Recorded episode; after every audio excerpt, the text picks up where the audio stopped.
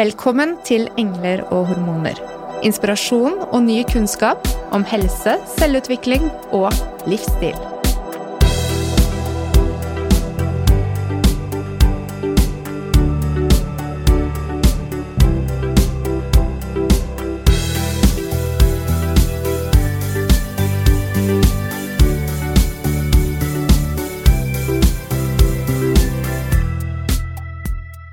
Er fascinerende å tenke på hvordan samfunn i ulike deler av verden har utviklet kunnskap for å mestre livet. Og Før vi hadde rask global kommunikasjon og systematisk forskning, så ble visdom overført fra generasjon til generasjon, slik som f.eks. yoga. Hva skjer da når vi tar yoga ut av fortiden og inn i våre vitenskapelige modeller, og underbygger observasjonene med etablert kunnskap om kroppens funksjon. Det skal vi lære mer om fra Tiril Elstad i dag. Hun er forsker, lege, yogalærer, formidler og mamma. Hjertelig velkommen til studio, Tiril. Takk. Vi vil jo gjerne bli enda litt bedre kjent med deg. Hva som ligger bak disse titlene. Har du lyst til å fortelle litt eh, om deg selv, Tiril? Ja, jeg har jo to barn da, og en mann.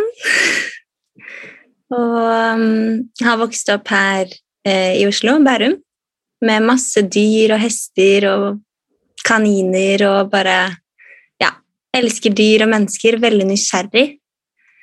Og reist mye. Bodd i Skottland i noen år, i Australia, Mexico Og bare liksom fått møte mange spennende mennesker og blitt veldig nysgjerrig på mennesker. Så det var jo litt rart da, og litt overraskende for familien min da jeg ble revisor. De skjønte ikke så mye. Men, eh, og det var veldig gøy, det. Men så kom jeg inn på medisinstudiet, og da måtte jeg bare prøve å hoppe ut i det. Og har ikke sett tilbake siden. Det er jo ikke bare bare det å ta det steget og faktisk begynne på medisinstudiet når man allerede har en, en tung utdannelse i bunn? Hvordan, hvordan, var på en måte reisen inn til medisinen og dit du er nå? Egentlig, jeg lever litt sånn etter at livet er litt tilfeldig. At man ikke Altså, det er så mange variabler. Så det tar litt presset av hvis man ikke prøver å planlegge for mye, kanskje. Men bare gjør det som føles riktig, da. Følge magefølelsen. Det er kjempe sånn yogafilosofi. Um, ja. Og hvis man alltid gjør det, så ender man jo opp til slutt på riktig sted. Så um, da jeg kom inn på medisinstudiet her i Oslo, så sa magefølelsen min at dette må jeg bare prøve. Og det var ingenting som var sånn at dette må jeg fullføre, men jeg må prøve. Og så har det bare vært den reisen. Jeg har elsket hver dag. Det har bare vært så bra.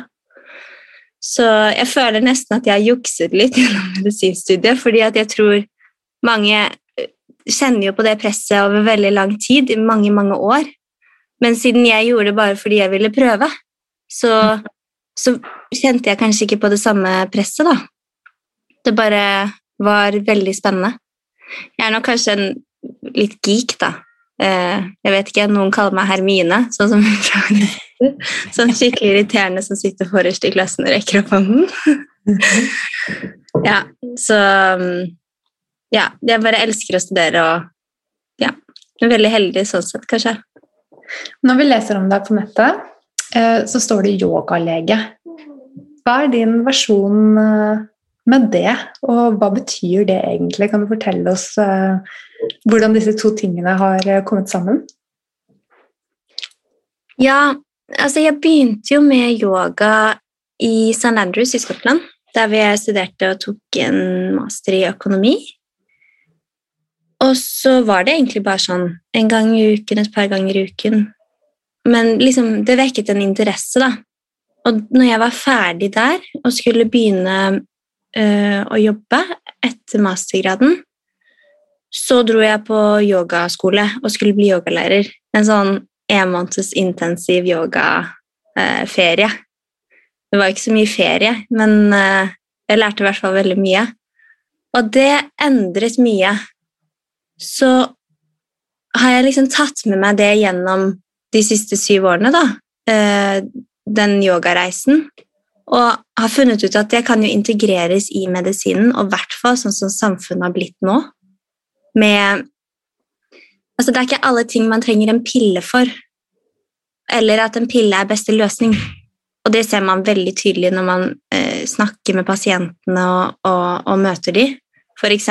kroniske ryggsmerter eller søvnproblemer eller angst eller Ja, det finnes veldig mye som man ikke nødvendigvis trenger en pille for å kurere, men kanskje eh, yoga kan være et alternativ. Så jeg har bare hele tiden ønsket å eh, leke litt med hvordan vi kan få det inn i medisin, og vi har jo lært altfor lite om det. Um, så da må man jo bare ta tak i eh, saken i egne hender. Ja, Hvorfor tror du at, tror du at, um, at, yogaen på en måte ikke har fått plass før, liksom, inn i medisinen? Det er mange mulige årsaker til det. Det kan være at det ikke er standardisert.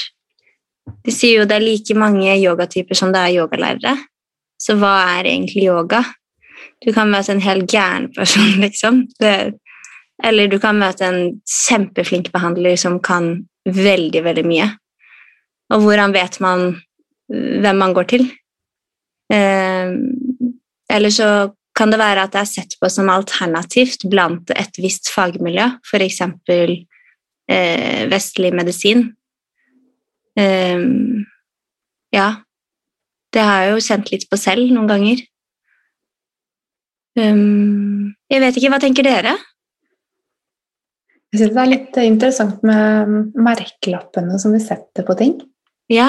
For eksempel alternativt. Det er en veldig, veldig stor bolk med u, egentlig som er ganske udefinert, fordi det inneholder så veldig mye. Ehm, men yoga kan også være fysisk trening. Og trening er jo etablert som noe vi anbefaler å gjøre for helsa sin del. Så, men det er noe med mystikken, kanskje?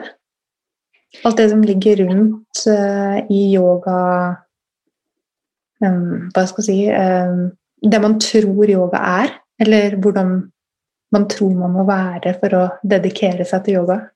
Ja, ja og der har du også det. Jeg tror også det har litt å gjøre med miljøet. Mm. Fordi det, yoga i hvert fall har til nå tiltrukket seg en viss type mennesker som er litt mer altså, alternative og åpne, og kanskje også gjør andre ting, f.eks. dop eller du vet, sånn seremonier eller dette ukjente litt utenfor samfunnets ja, vanlige eh, Hva sier man? Normer og grenser. Mm. Og det er jo skummelt for mange. Ja, for det er mer assosiert med noe religiøst, nærmest. Sånn at det kristne som er veldig etablert i vårt samfunn, der vi går i kirken og følger de ritualene, det, det er jo sånn kulturarv som er akseptert. Men med en gang man sitter i en sirkel og synger uh, indiske chanter, så blir det litt mer mystisk og litt skummelt. Ja, kanskje. Mm. Ja. Og så er det nettopp dette med forskning, da. At sånn som trening er det jo veldig mye forskning på. Mm. Men det har det ikke vært med yoga. Eller det har vært mange sånn enkeltstudier og småstudier her og der, men ikke noe store, ordentlige studier. Det ville du gjøre noe med? ja, det ville jeg gjøre noe med. Jeg visste ikke helt hva jeg satte i gang da jeg, da jeg sa jeg skulle gjøre noe med det. da. Nei. Jeg er glad for at jeg ikke visste hvor mye det var. Mm. Ja. Men uh, for de som kommer inn her og kanskje er nysgjerrig på episoden fordi du er lege, og lurer på hva er det en fornuftig lege kan si om yoga. Eh, kan du forklare for de som ikke har kjennskap til yoga, hva er yoga? Ja, så sånn, sånn som jeg ser yoga, så er det eh, Altså en typisk yogaklasse har litt yogafilosofi og litt pusteøvelser og litt meditasjonsøvelser. Og så har du de klassiske yoga, de fysiske øvelsene, da, disse sekvensene. Eh, og så slenger man det sammen i en eller annen form, og så kaller man det yoga. Um, men også er jo de klassene helt ulike. Man har jo mange mange underkategorier innenfor den termen yoga. ikke sant? Man har yin-yoga, som er sånn at du ligger i én stilling over lengre tid og strekker og tøyer bindevev og fasier og sånn. Og så har man restorative yoga, hvor du eh, gjør sånn tension release og deep relaxation og sånn. Så har du ashtanga, hvor det er mer dynamisk, man følger en sekvens. Så det er jo alle disse underkategoriene. Og jeg tror nok at det, det er litt morsomt, men jeg husker jeg sa til mamma at hun burde prøve yoga. Og så gjorde hun jo det til slutt, da, fordi jeg var yogalærer og hadde forsket på dette. Og sånn. Og så ender hun opp på en yin-time og hadde forventet seg en dynamisk vinyasa-time. Og kommer tilbake til meg og sier 'jeg liker ikke yoga'. Mm. Og var kjempeskuffet. Det handler det... om Unnskyld. Nei, nei, men det er jo bare fordi yoga er så mye. Så ja, det handler jo litt om å Man burde kanskje orientere seg litt eller snakke med noen om hvilken time eller lærer man burde prøve som passer deg. da. Mm. Prøv, litt sånn som med en behandler eller en psykolog eller hva enn. Så er det ikke alle retninger som passer deg, men man må prøve seg fram litt. Heldigvis nå også, så er jo på en måte tilbudet yoga yoga jo i, finnes jo nå i de fleste av landets kroker og, kriker og kroker. Ja. Det har jo blitt så populært, og det har jo bare skjedd nå de siste årene, føler jeg. Tenk at liksom Sats Elexia har laget en, helt, altså en svær yogakjede i hele Norden. Og bare åpner opp nye eh, sentre og bare, Det sier litt om markedet, da og hvor populært det er. Det må jo også si noe om den effekten som de som utfører yoga, kjenner på. Ja. Ja. Det er det. Ja. Kan vi komme litt nærmere inn på det, eller? Ja. Um, ok, så effekten av yoga. Hvor skal man starte? oi, oi, oi. Um, jeg ville sagt at ok, yoga, da det, For meg er det moving meditation hva enn du gjør. Du kan ligge stille og kjenne på moving meditation i form av at pusten beveger på kroppen. Det er yoga. Eller du kan gå en tur i skogen, eller du kan gjøre fysisk øvelse på en yogamatte. Det alle disse yoga, altså moving meditation, har til felles, er at det skaper en slags balanse hos deg. Er du stiv? Kanskje man blir mykere. Du, trenger du mer fysisk styrke, kan du få det. Mm, trenger man bedre balanse, altså fysisk balanse, kan man få det. Um, så det blir liksom Det er det fysiske, og på en måte styrke din fysiske kropp, da. Mindre spenninger, bedre holdning. Eh, leddene på en måte gjennom hele ryggraden er plassert riktig oppå hverandre, sånn at man beholder de naturlige kurvene. Pusten, lymfesystemet, immunsystemet, alt dette. Men så har du også det mentale, ikke sant? Som kanskje De gamle yogiene sier jo at eh, asana, eller de fysiske øvelsene, kun er til for å forberede kroppen for meditasjon. For å fjerne distraksjoner, for å fjerne vondter, sånn at meditasjon blir mulig. Mm. Mm. Og da har du å få mindre eh, symptomer på angst og depresjon, og bare få ha det bedre. De, de liker å si at altså, det er ikke velvære, men det er contentment. Så det er ikke det at man skal gå rundt sånn kjempeblid og glad hele dagen, men å være liksom takknemlig og tilfreds og fornøyd, da. Mm. Ja. Tiril, i forhold til de vanlige treningseffektene så, så, ser vi hvordan styrke og sirkulasjon kan bli bedre ved fysiske bevegelser og belastning. Men når det kommer til andre deler av kroppen og den effekten yoga har på den, som f.eks. For fordøyelse og bedre immunforsvar og disse angstsymptomene og depresjonssymptomene som du snakket om tidligere, hvordan har det seg at yoga har en effekt på disse aspektene? Ja, nå Det var jo flere ting på en gang. Ja. Men um, vi kan jo ta fordøyelse først. Uh, jeg tror nok at rent fysisk så er det i yoga så gjør vi mye twister og gjør liksom mye rare bevegelser. Du vet sånn Hvor man får virkelig massert magen på en helt annen måte enn det man kanskje er vant til. Så bare sånn helt rent mekanisk så kan jo det få ting til å skje, da, og flytte litt på eh, luft og andre ting inn i magen. Så det kan jo hjelpe.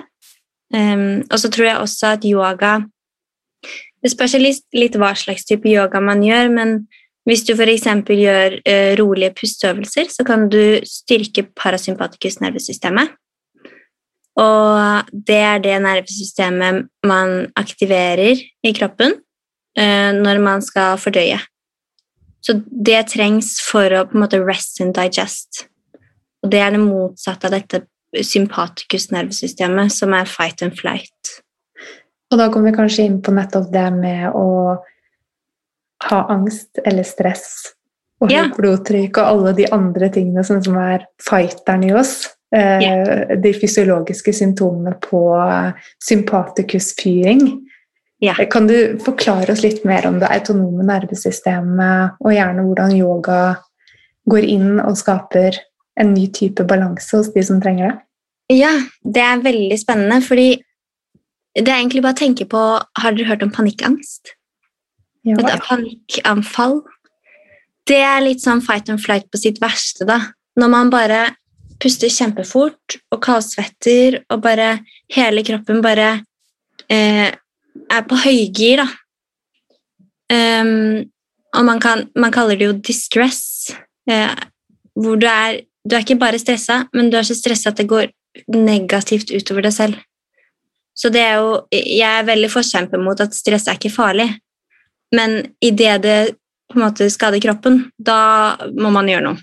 Så med yoga så eh, kan man motvirke sympatikusreaksjoner eh, i kroppen. F.eks. ved at man pust, bruker pusten til å dempe hjerterytmen eller gjør øvelser for avspenning for å på en måte eh, få en bedre balanse mellom parasympatikus og sympatikus eh, nervesystemene.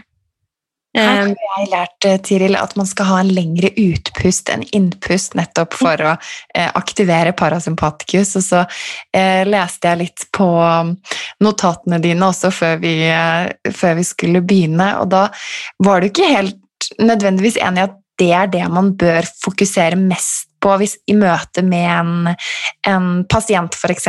som har panikkangst, eller Ja, så um, poenget blir jo Altså, de har gjort noen studier på dette her med panikkangst, og det som skjer, er at man hyperventilerer. Og det som skjer da, er at man mister eh, for mye CO2. Altså CO2, Man er jo vant til at man skal få oksygen inn, og så skal man kvitte seg med CO2. Det er jo det som skjer i lungene når vi puster. Man puster inn eh, luft med masse oksygen, og så bruker kroppen det, og så skal man puste ut CO2. Mens når man hyperventilerer, så kvitter man seg med for mye CO2, som gjør at man kan føle seg svimmel og nummen og eh, ja, i verste fall faktisk besvime. Det gjør veldig vondt. Man kan få sånn tetani, eh, at fingrene på en måte vibrerer og rister. og ja, Det ser veldig, veldig vondt ut. Det er så fint å si, Tiril, fordi mange har jo opplevd det i en litt heftig breathwork session f.eks. At, man, at man får akkurat disse symptomene, og det er fint å vite hvorfor det skjer. Ja, det er sant. Jeg har flere venner som har kommet tilbake fra disse Jeg vet ikke om eh, de som lytter, vet hva breathwork session er? Men det er Jeg har en egen eh, episode om det hvis dere er nysgjerrige, så vi skal linke til denne episodebeskrivelsen. ja, men hvis man da puster litt fort eller hyperventilerer, så er det her helt fysiologiske, naturlige prosesser i kroppen som skjer. Mm. Og er forventet å skje når man hyperventilerer. Ja. Og da kan det hjelpe å puste sakte, eller å hvile, eller å ta lengre utpust. Og helt ærlig, jeg tror ikke det har så mye altså, Poenget er bare å øke CO2-nivået i blodet ditt igjen. Samme hvordan du gjør det. Du kan holde pusten, du kan puste lenger ut, eller du kan slappe av eller gjøre noe meditasjon eller et eller annet. Og det er det. Jeg tror folk finner ut av dette selv, og det er derfor yoga det handler om practice, og uh, man blir kjent med øvelsen og, og finner sine favoritter, tror jeg. At man Mm. Men tilbake til utpust. Det syns jeg er litt spennende. Fordi det som skjer når man puster lenger ut enn inn, det er jo at man endrer hjertevariabiliteten. Forklar mer om det. Hva skjer? Så når du puster eh, inn, så går hjertet naturlig fortere. Og når du puster ut, så går det saktere. Altså pulsen, eller hjertefrekvensen, hvor ofte hjertet kontraherer. Mm. Så da kan du manipulere hjertefrekvensen med pusten. Er det slik du passerer løgndetektortester? Vet ikke. Jeg tror du må spørre noen andre, da. Jeg har aldri. Det er sånn ut? Absolutt ikke. Nei, det er um, Det med å ha lang utpust er altså noe jeg kjenner godt igjen fra um, når man uh, øver på å puste fødsel. Ja. Mm. Jeg syns Mm. jo selv at det var veldig nyttig, og at det hadde nærmest en type beroligende, smertestillende effekt Ja. med den type pust. Og det kommer jo nesten instinktivt noen ganger. Jeg har vært med på en del fødsler gjennom bare eh, studiet. Da har man noe som heter fødeuka, så da får du ja, tatt imot eh, mange, mange barn. Og jeg ser mange av disse kvinnene, de puster jo og bare lager sånn kule, dype pustelyder og på utpust og ja. Det bare kommer instinktivt, da. Men en annen ting når vi snakker om hjerterytme, så, um, så Karotismassasje. Ja, det er høy, eh, Ja, for det tenker jeg det er et nyttig triks å vite om, og da stimulerer du vagus, ikke sant? Ja. Som er en av de viktigste nervene i det parasympatiske nervesystemet. Ja. Ikke at vi skal rangere det, men den er stor. ja, men den er jo en av Jeg syns den, den, er veldig, den er veldig viktig. Det er hjernenerve nummer ti. Og den kommer ned, direkte ned til de største organene i kroppen, blant annet hjerte, lunger og tarm. Mm. Og så går den jo da gjennom halsen. Og det er et triks man kan bruke som lege hvis det er noen som kommer inn med um, takykardi, um, dvs. Si at hjertet slår for fort. Men man vil helst ha tatt et EKG for å finne ut at det er atriene da, som gjør at det slår for fort før man begynner med det. Så man, det er ikke sånn man egentlig skal prøve selv hjemme. um, men da kan man massere eh, halsen, og så ser man på EKG mens man gjør det, at hjertet slår saktere. Ja, ikke sant? For da masserer du rett og slett karotisarterien. Men har det da noe å si med, liksom, med eh, hvordan eh, rytme man gjør det i, eller eh, hva slags type kraft man bruker? Ja, jeg har sett det bare én gang, og da em, gjorde denne legen det veldig sakte. Mye saktere enn jeg hadde forventet. Det var Mm. typ som en massasje. Og det har jeg tenkt på i ettertid, for jeg syns ofte at hvis man snakker med noen som ikke er ukomfortable, men på en måte eh, trenger å roe seg ned, så er det ofte at man tar seg til nakken. Mm. Og det tror jeg kanskje liksom er et instinkt man har for å kanskje roe seg selv ned. Da. Det er er bare en teori jeg har, den har jeg ikke bekreftet noe sted. Spennende teori. Yeah. Jeg har en annen teori der, fordi jeg har prøvd um, eh, på pasienter som jeg har behandlet som går med monitor. Nå har de så mange gode smartklokker som kan måle hjerterytme og eh, ulike definisjoner av hva det er å være i hvile. Og det har sett utslag på dypere hvile og, og roe ned hjerteraten når man eh, bruker den type teknikker da, inn mot det området. Um, Ja. Og andre punkter som kan stimulere det parasympatiske nervesystemet. Så dette her er jo veldig spennende, og det er det morsomt at vi kan gjøre det med pusten var, og lage lyder og Ja. synge og Ja. ja, vibrasjoner eller ujjayi-pust òg. Du kan jo stimulere det fra eh, den siden òg. Mm. Fra innsiden. Det er spennende. Mm. Det er det. Det er veldig spennende. Og samtidig så er jeg litt sånn Jeg føler parasympatikus har blitt en trend.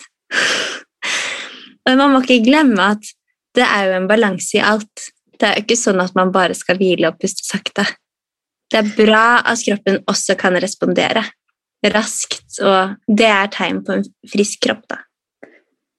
Ja, altså Jeg tenker på når man står og spinner på et midt imellom, der man egentlig aldri kommer helt opp eller helt ned. Ja. Ja. så man har ikke det spekteret å spille på av de responsene man skal ha i kroppen. Da, da kan man jo ja, kanskje gå inn imot en sånn type burnout eller møte veggen, eller at man at Ja. ikke helt får eh, Man får ikke restituert seg, men man har heller ikke energi til å gjøre Ja. eh, mye. Så det, det er jo litt interessant. eh, mange som ligger der i vårt samfunn. Det er det. Det var en veldig klok fastlege. Jeg var i praksis på et kontor en gang, som sa til meg at Tiril, ingen blir uthvilte av å hvile. Ja. Kan du Utdype det? Ja, men det er så riktig. Det er sånn, er du sliten jeg, jeg vet ikke, Det hjelper ikke å ligge en hel dag på sofaen. Det er vel det jeg mener. Du blir ikke mer uthvilt etter en hel dag på sofaen.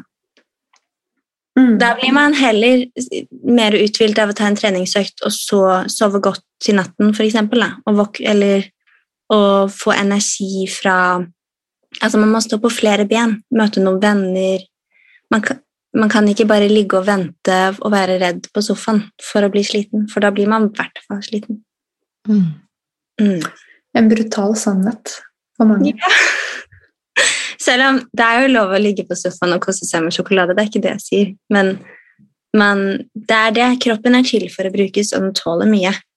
Og det er kult å på en måte gå til ytterpunktene òg, og presse seg og bruke sympatikus, men og også Det er vel kanskje det folk mener med parasympatikus, at noen lar det dure for langt. da. At det er som et maraton som bare går hver dag. Du våkner og går på jobb.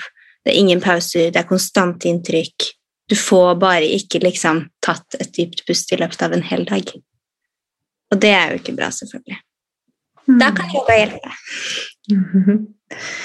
Ja, det er um, eh, Søvnkvalitet var du inne på, og immunforsvaret er også en annen ting som har kommet frem som eh, kan bli positivt påvirket av eh, yoga. Kan vi Mm. kort komme litt inn på hva, hva som skjer der i forhold til um, å bedre immunforsvaret vårt? Mm. Ja, du skulle jo spurt Spurkland om det her, da. det jeg tror er Det er i hvert fall en indirekte effekt gjennom dette med at yoga reduserer distress. Det reduserer symptomer på angst og depresjon. Fordi det har, gjort, det har vært gjort flere studier hvor de har funnet en sammenheng mellom stress og dårligere immunforsvar. Det er etablert. Det vet man helt sikkert. Så det de har gjort i flere studier, er at de har liksom dryppet sånn eh, forkjølelsesvirus i nesene på folk. da. Og så har de samtidig eh, testet eh, stressnivåene deres, og så ser de helt klart at de som er veldig stressa, de blir syke. Og de som ikke er stressa, de blir ikke det. Mm. Og da er det ikke bare at de får symptomer, men også hvor mye av det viruset de har i kroppen. Mm. Jeg tror sånn sett kan yoga hjelpe indirekte ved å senke stressnivåer i kroppen. Ja. Mm. Wim Hof har gjort et enda mer ekstremt studie på det med pust. Jeg vet ikke om du er kjent med det. Der, eh, jeg vet ikke hvor kontrollert det studiet var, men det blir i hvert fall mye omtalt som, eh, som veldig sterk effekt da, når man da blir infisert med Var det ikke virus, eller var det bakterier? Eh, og så med visse pusteteknikker rett og slett da klarer å unngå å bli eh, syk. ja. Jeg, har ikke lest, jeg har ikke lest de studiene, men eh, det høres veldig kult ut. Jeg må lese det. Ja, Hvis det var mange deltakere og bra metode, så kjøper jeg den. ja. Men har ikke Wim Hoff en veldig sånn sympatisk pustemetode? Eller at den er veldig, sånn, veldig rask og eh, ja, rask rytme? Ja, jeg så på det der Gooplab med Ja, han. jeg òg! Ja, og da pustet de ganske fort før de gikk ut i det kalde vannet. Mm. Ja. Men samtidig, det å kunne møte iskaldt vann og bare fortsette å svømme rolig og puste kontrollert da, det er jo en pusteøvelse. Fordi instinktet sier jo pust fort, fort, fort, fort, fort. Ikke sant? Og så klarer man da Ja. Jeg ble litt inspirert. Jeg prøvde isbading et par ganger etter den episoden. Hvordan gikk det med pusten? Første gangen var jeg ikke nedi mer enn et sekund. Men så ja, jeg, veldig, jeg har konkurranseinstinkt, så jeg klarte noen tak til slutt. da, Noen minutter. Men det var ikke alene. Det var med, da, da må jeg liksom ha noen som ser på og dokumenterer det, liksom. For da skal det være konkurranse. Og vi har også spilt inn en episode med eh, professor i forebyggende medisin, og hun er også eh, hjertelege, og hun sier hvis man skal isbade, så kan man aldri gjøre det alene. Nei, ikke sant? Nemlig. Og det var ikke av sikkerhetsmessige årsaker. vi kan jo late som at det var for at man skulle dokumentere. Men hvis alt dette fysiske da, er em, forberedelse til meditasjon, så er det jo naturlig å gå inn dit og spørre hva er meditasjon. Å, jeg elsker meditasjon. Det mm, Ok, så sånn som hjernen vår er skrudd sammen, så bare vandrer tankene. De bare vandrer tilbake til fortid eller fremtid, eller vandrer her og nå, som dømmer deg selv, eller tenker på noe som skjer, eller jeg vet ikke, bare Det bare skjer, de tankene. Det meditasjon gjør, er at man sitter i stillhet og på en måte observerer alt dette som skjer, og kan kanskje registrere at tankene tenker på hva vi skal til middag, eller på et eller annen ting jeg sa som var dumt i stad i podkasten, eller noe. og så kan man sette en merkelapp på det, og så hente seg tilbake til hva som skjer her og nå. Så sånn sett så blir du veldig godt kjent med deg selv og hjernen din gjennom meditasjon. Og ikke minst så blir man veldig fokusert etter tid, da. Fordi man blir bedre og bedre på å faktisk være til stede her og nå. I den intensjonen man har satt. Enten det er en samtale, eller om det er jobb, eller være med barna, eller hva enn du gjør. Så meditasjon er jo helt fantastisk. Hvordan gjør man det da? På, um, I yoga, hvordan, hvilke typer meditasjoner er det vi typisk møter? Mm. Ja, du kan jo meditere på alt, liksom, men jeg elsker å starte yogatimene mine med lydmeditasjon. Da bare ber jeg alle elevene om å legge seg ned på matten og bare finne en god posisjon, og så skrur jeg på sånn, sånn naturmusikk eller et eller annet. Og så er det alltid en mobil som begynner å ringe. Og det er det som er gøy, fordi det er også meditasjon. For da er det noen som plutselig bare tenker inni seg sånn Å nei, å fuck den mobilen, hvem er det som ikke har Og så, og så er det del av øvelsen, ikke sant? At da hører de det, og så registrerer de at tankene blir sinna, og det skaper en eller annen reaksjon fysisk i kroppen, og så kan man liksom sette merkelapp på det. Det var sinne, fordi man ble distrahert. Og så er tilbake til øvelsen. Og så kanskje man hører noen fuglekvitter, og så kanskje man hører sin egen pust. Og til slutt kanskje man hører liksom helt sånn subtile, subtile lyder. Og den øvelsen er så fin på bare samle seg og på en måte sette en intensjon da, for timen. Ja, det er min favorittmeditasjon. Kjempefint. Men det du beskriver, minner meg også veldig mye om mindfulness. Har vi noe på en måte konkret skille mellom meditasjon og det som vi kaller for mindfulness? Mm, godt spørsmål. Jeg føler meditasjon Noen mener jo at det er Hvis man følger de ekte yogiene, så er vel egentlig det i teorien at man ikke tenker på noe.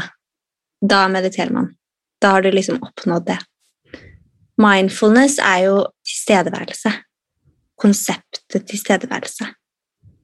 Så det å kunne gå en tur og på en måte bare kjenne på solstrålene som varmer Ja, ta, ta til seg alt som er her og nå, da. Mm. Så sånn sett er det jo litt forskjellig, men i samme gata. Går det an å si det? Kjempefint. Min eh, bakgrunn i yoga er i kundalini-yoga, og mange av de meditasjonene vi bruker der, de har lyd som f.eks. et mantra, som kanskje for de aller fleste vil være en meningsløs samling med bokstaver som man bare gjentar rytmisk. Eller hvis man har gått litt mer inn i det, så vet man kanskje hva det betyr. Eh, og så er det da også en bevegelse av fingrene og en posisjon du sitter, og et sted der du skal hvile blikket.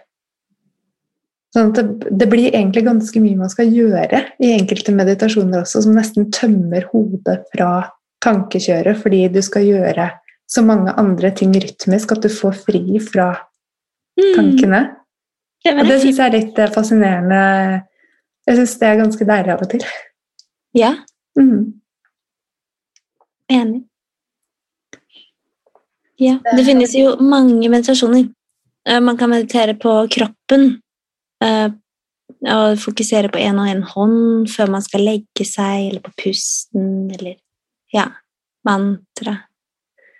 Ja, man må bare finne sin, sine beste meditasjoner, ja. Mm. Så er det gøy å bli litt inspirert, da. Det er derfor det er så gøy å gå til nye yogalærere. Så får man litt nye impulser og ja, øvelser.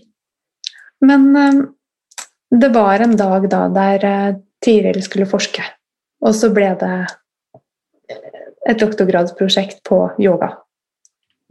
Ja, Eh, vi får se på det, da. Hva? Vi får se på om det blir en doktorgrad. Men i hvert fall dette studiet som du har gjennomført, det er jo et stort studie der du har brukt yoga og målt hvilken effekt det har eh, på deltakerne. Kan du ikke fortelle oss litt om eh, hva du har funnet ut, Tiril? Ja, jo, det er en stor studie. Jeg har jobbet med den i fem år. Mm, og det var 202 deltakere. Så det vi gjorde, var at vi rekrutterte da mange studenter i Oslo. Og så randomiserte vi de, dvs. Si at tilfeldigvis så havnet halvparten i en yogagruppe og halvparten i en kontrollgruppe. Og så målte vi de i, før alt begynte, og etter yogakurset, og så tre måneder etterpå. Og da målte vi både sånn symptomer på depresjon og angst, og søvn og velvære og heart rate variability, og mange mål for å liksom kartlegge hvordan den mentale helsen til studentene var. Da. Og så sammenlignet vi. Hva hadde skjedd i yogagruppen versus de som ikke hadde hatt yoga? På Og det var jo ganske klare funn. ja, eh, det var det. Eh, det var ingen tvil at yogagruppen hadde det mye bedre eh, etterpå. Og spesielt så hadde de vedvarende bedre med tanke på symptomer på angst og depresjon. At selv tre måneder etter at yogakurset var ferdig, så vedvarte de effektene. Selv om ikke de gjorde yoga. Fordi at de hadde på en måte vært igjennom det programmet. Mm. Det er jo litt kult, da, syns jeg. Um, det skjedde ikke med velvære. Velvære hadde en effekt rett etterpå, og så gikk det tilbake, da. Så det var ikke vedvarende. Men rett etter yogakurset så var det også statistisk signifikant. Ja. Og søvn var også vedvarende. Samme som angst og depresjon. Så um, det er veldig kult. Det, jeg vet ikke hvorfor, da. Fordi vi gjorde bare yoga i ett under samlet. Så det var meditasjon og uh, sendte ut noen sånne uh, artikler jeg hadde skrevet, og uh, Ja, de gjorde alt. Så jeg er veldig spent på om Var det kanskje én del av det som gjorde, sto for den største effekten? Det vet vi jo ikke. Nei. Nei. Men uansett altså, virker det virkelig som at yoga kan ha eh, en virkelig god innvirkning på folkehelsa. Ja, det er det jo ingen tvil om. I hvert fall for en viss gruppe mennesker som er åpne for det. Mm. For alle de som meldte seg på denne studien, de ville jo delta, på en måte. Så det er ikke sånn at vi har prakket på yoga på noen. Men um, det hadde vært sykt kult å få det inn i noen læreplaner, eller Ja, og teste det ut på et litt større nivå, da. Men Skrive ut yoga på resept. Og det! Jeg vet! Det er sånn Når jeg sitter på Jeg har jo jobbet på legevakten, og det kommer inn masse angstanfall som tror det er eh, hjerteinfarkt. Fordi det, er, det kan være ganske guffent, altså. Så det er ikke så rart at man tror det er det. Det, det er vondt, og det er veldig, veldig skremmende. Men når man da har utelukket at ikke det var et hjerteinfarkt, og har konkludert med at jeg tror dette var eh, panikkangst, så er jeg veldig sikker på at for noen så kunne yoga vært et veldig fint verktøy. Mm. Det hadde vært så kult å kunne henvise til det, på lik linje som eh, leger i mange år har henvist til fysioterapeut til trening. Mm. Eller psykolog, eller samtaleterapi, eller Ja. Min studie viser jo at uh, effekten av dette yogakurset var like stor som samtaleterapi én til én. Ja, ikke sant? For det leste jeg, og det er jo helt fantastisk. Ja. Og du Mm. tar liksom 25 av gangen i stedet for én. Ikke sant? Det, og du tar også fiske, og det er liksom mye billigere og mindre stigma, og det er bare bedre, Mm. sier jeg da. Jeg er kanskje ikke litt biased. Ja, men vi er helt enige. Det er jo i hvert fall noen steder blitt mer og mer vanlig å bruke medisinsk yoga som en terapiform, eh, også som et supplement til eh, fysioterapi eller annen type aktivitet. Mm. Har du hørt om det her i uh, Norge? Absolutt. Ja, Mm. At leger har henvist til det? Ja. Ja. Men det er nok på sånn anekdotisk eh, nivå nå også, at det er kanskje avhengig av den enkelte legen sine erfaringer med eller kjennskap til de som bedriver det. For det finnes jo ikke overalt. Men etter hvert så er det nok ganske mange medisinske yogainstruktører som er utdannet i Norge. Mm. Det er veldig bra. Det er hyggelig å høre. Ja. Så, Mm. um, men å få gjort et studie på denne måten i Norge, det har jo skapt oppmerksomhet, eh, Tiril. Og nettopp det at det kommer så lokalt, og at det skjer her, eh, det har kanskje fått flere til å åpne øynene for hva yoga kan gjøre. Har du fått noen reaksjoner innenfor ditt fagmiljø etter publikasjonen? Em, ja, og jeg merker det kanskje spesielt på liksom de som er Ikke de eldre, men de som er medstudenter og nyutdannede og sånn. De er veldig sånn kjempebra, så kult, you go girl. Uh, jeg tror egentlig ikke at de eldre har fått det med seg engang. Jeg tror ikke de leser, de leser de VG. Jeg tror de bare leser sånn tidsskrift og sånn. Det var det du som sa! Ja, jeg er føler noen av de eldre legene som er sånn overlege, kan være litt sære noen ganger. Ikke alle, selvfølgelig ikke, men ja. Jeg møtte jo litt motstand da jeg spurte om å få støtte til prosjektet. Jeg fikk jo ikke det. Du fikk ikke støtte økonomisk eller eh, lov til å gjennomføre i starten? Jeg fikk lov. Det var jo ikke noe etisk eh, feil med protokollen, men jeg fikk ikke noe økonomisk støtte. Det var ikke enkelt. Så jeg gjorde det bare på fritiden. Og så fant jeg heldigvis noen skikkelig, skikkelig flinke, dyktige, eh, erfarne eh, leger og psykologer som kunne hjelpe meg, da. Mm. Mm. Så eh, Hermine ville gjennomføre, og du fikk det til. Hermine var litt naiv. Men jeg er veldig glad for det nå, da.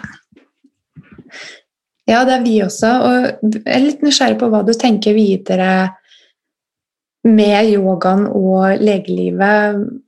Skal disse kombineres fremover? Har du nye planer for prosjekter? Hvordan skal dette tas videre? Ja, i dag publiserte jeg nettsider. Det var en stor dag.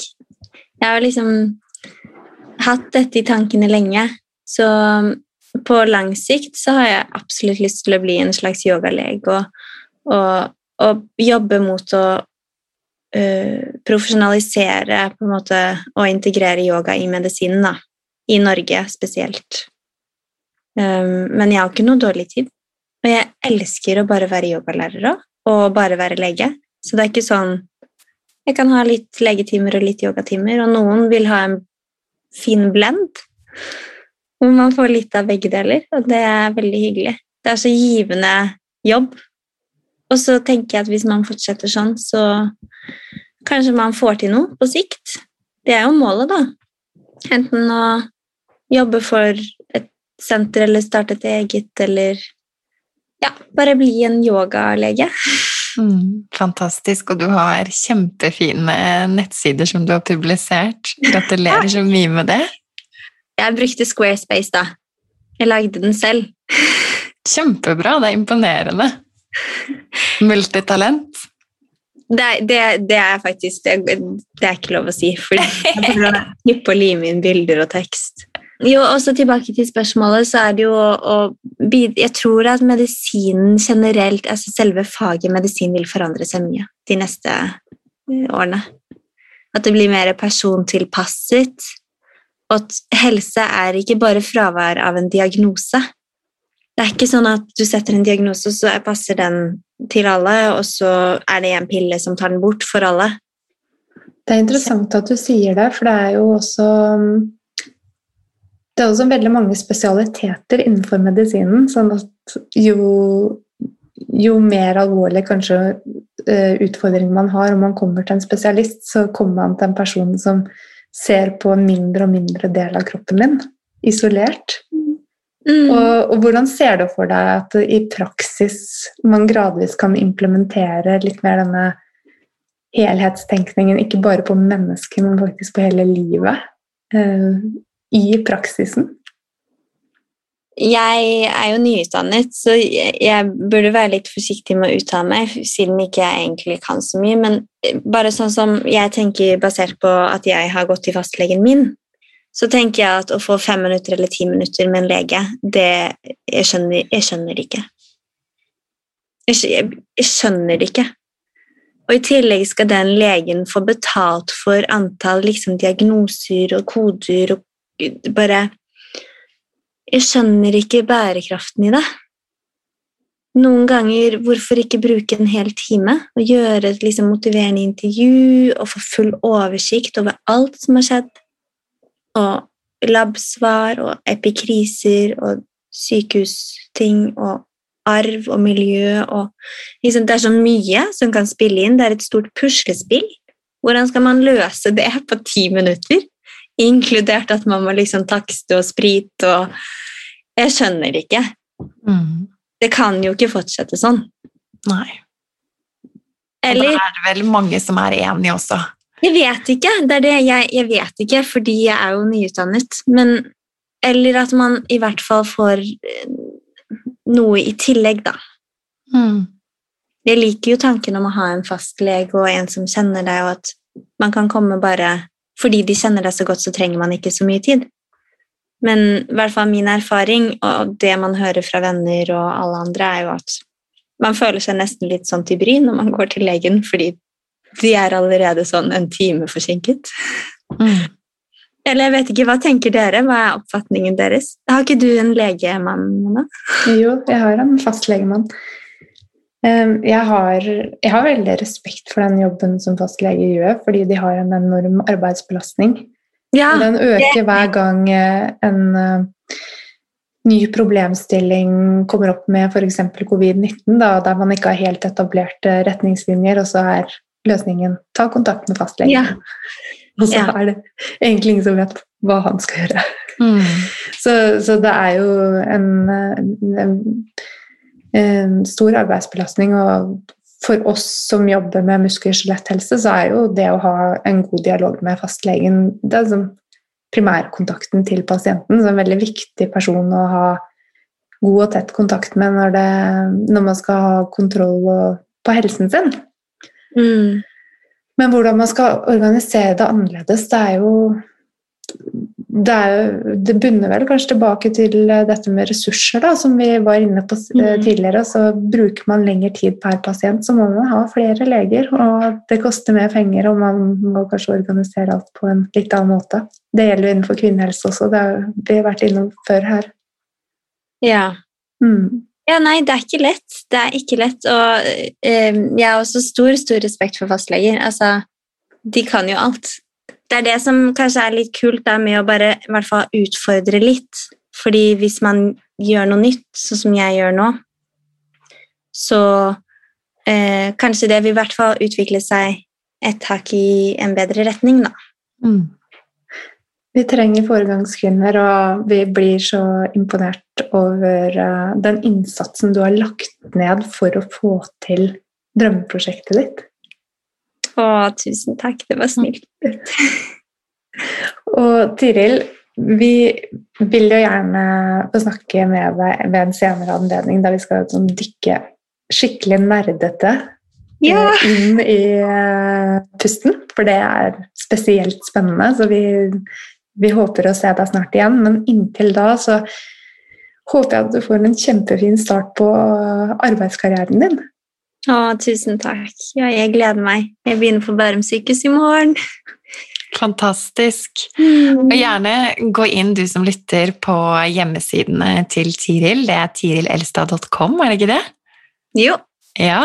Kjempefine bilder og masse interessant å lese. Og der kan du også komme i kontakt med henne. Å være med på å bygge den nye visjonen om yogalegen som kommer til å endre helseverdenen vår. Ja!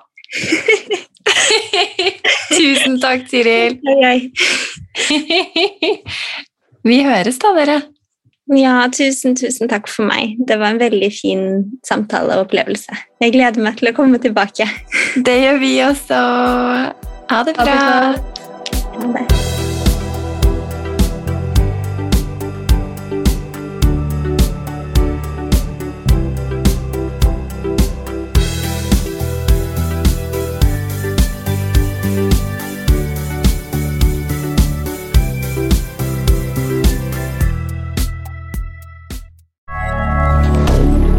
Moderne media.